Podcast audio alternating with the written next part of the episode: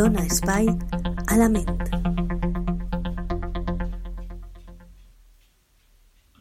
Hola a tots i totes, benvinguts una setmana més a Dona Espai a la Ment. Avui vull parlar-vos sobre les persones egocèntriques o la personalitat egocèntrica. Què és l'egocentrisme? Bé, l'egocentrisme és un constructe psicològic designa un patró de comportament en el qual totes les accions que duen a terme aquestes persones van orientades a aconseguir objectius que bàsicament beneficien a un mateix, independentment de si també beneficien als altres o si, per el contrari, poden fer mal als altres. Eh, duen a terme bàsicament accions que es beneficien a ells mateix i que té igual si perjudiquen a la resta. Les persones egocèntriques empreen aquesta característica com una barrera psicològica que els impedís actuar tenint en compte les conseqüències de les seues accions en els altres. Eh, L'origen d'aquest tret pot trobar-se en la seva experiència familiar, sobretot si és en un entorn integrat per pares amb poca afectivitat, que projecten en el xiquet els seus desitjos de grandesa i omnipotència. Però ens preguntem, com és exactament la personalitat egocèntrica? Bé, anem a veure 15 trets o 15 característiques propis de les persones egocèntrics. En primer lloc, la falsa autoconfiança.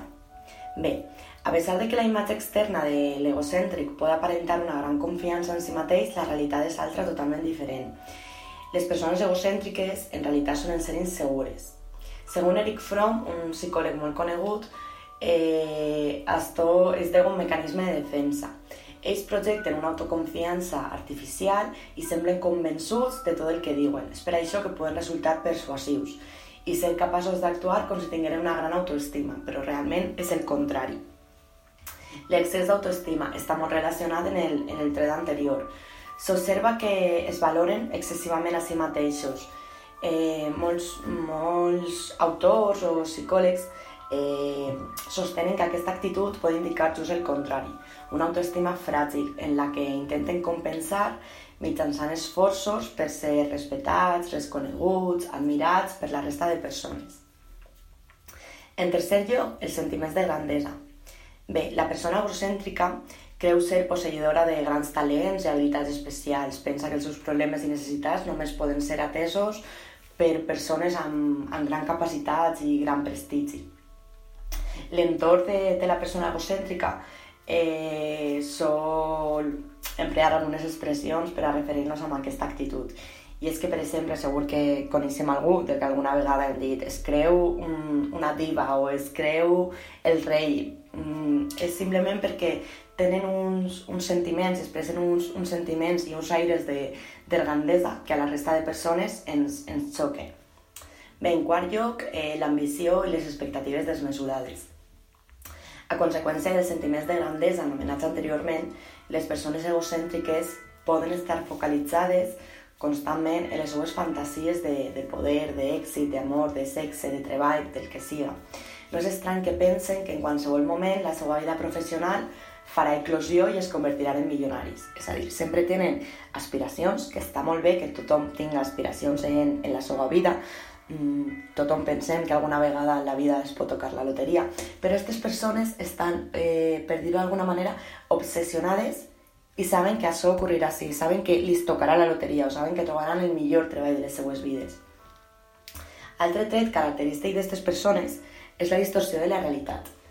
L'egocèntric només accepta la realitat que encaixa amb els seus somnis de, de grandiositat tendís a no donar crèdit o simplement rebutja aquells aspectes de la seva vida que posen en dubte el seu prestigi i la seva imatge de persona perfecta i admirable.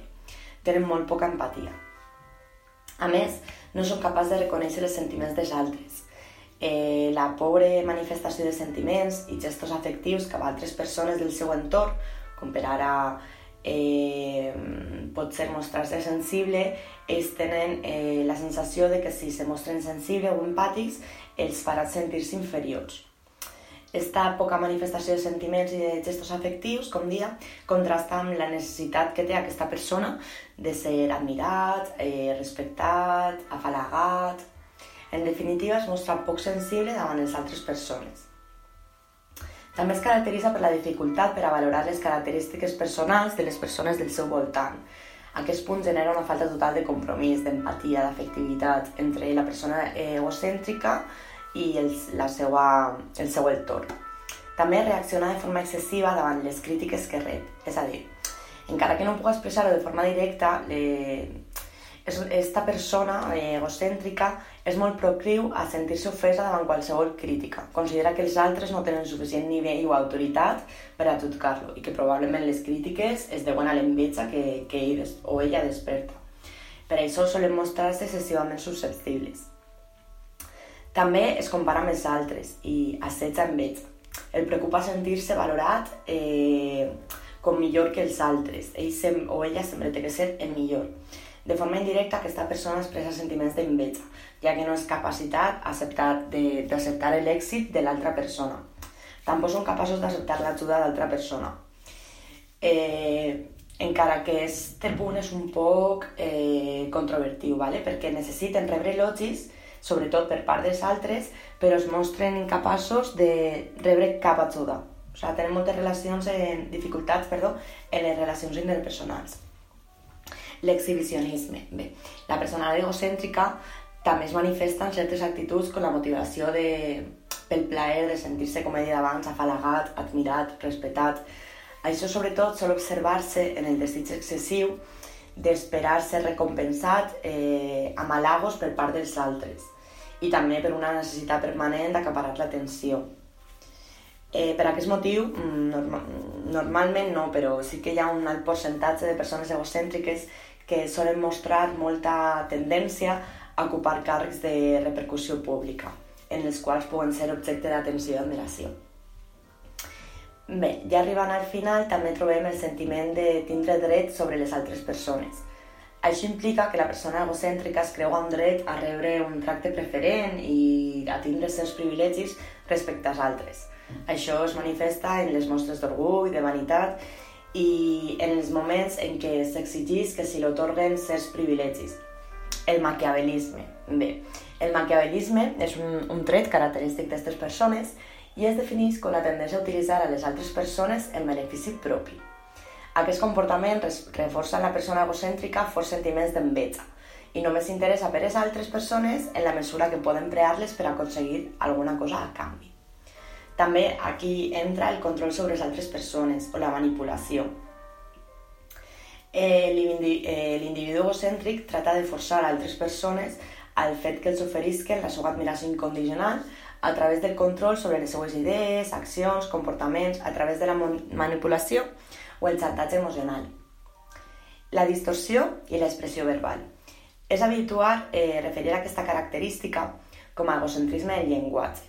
Bé, l'objectiu fonamental del llenguatge basat en el joc és tractar de... en el joc, perdó, és tractar d'impressionar i incrementar la, la seva pròpia autoestima. La funció comunicativa del llenguatge passa a un segon pla. És un estil comunicatiu caracteritzat per una focalització con constant en un mateix, és a dir, en jo, jo, jo, i sent incapaç d'escoltar l'interlocutor, és a dir, a l'altra persona amb la que estem mantenint una, una conversa. També és solitari i pessimista la persona egocèntrica es caracteritza per patir sensacions de buit existencial i tristesa. És uno dels, la soledat és un dels peatges, per dir-ho d'alguna manera, que han de pagar, ja que a poc a poc van ser rebutjats per les persones pròximes, com ara els amics, els familiars, els companys, etc. Bé, aquestes 15 característiques defineixen un poc o ens ajuden a, a conèixer una mica més, a poder identificar a les persones egocèntriques i, o aquell tipus de personalitat. Sí que és de veres que totes les persones en el, en el nostre interior sempre tenim algun tret de la persona egocèntrica, perquè és com el que va mm, inat a la, nostra, a la nostra vida o a la nostra personalitat. El que hem de fer és tractar que siga només eh, una part de la nostra vida i que no es convertisca en la nostra personalitat per sempre. Espero que aquest post us hagi resultat interessant i ens veiem la propera setmana. Gràcies!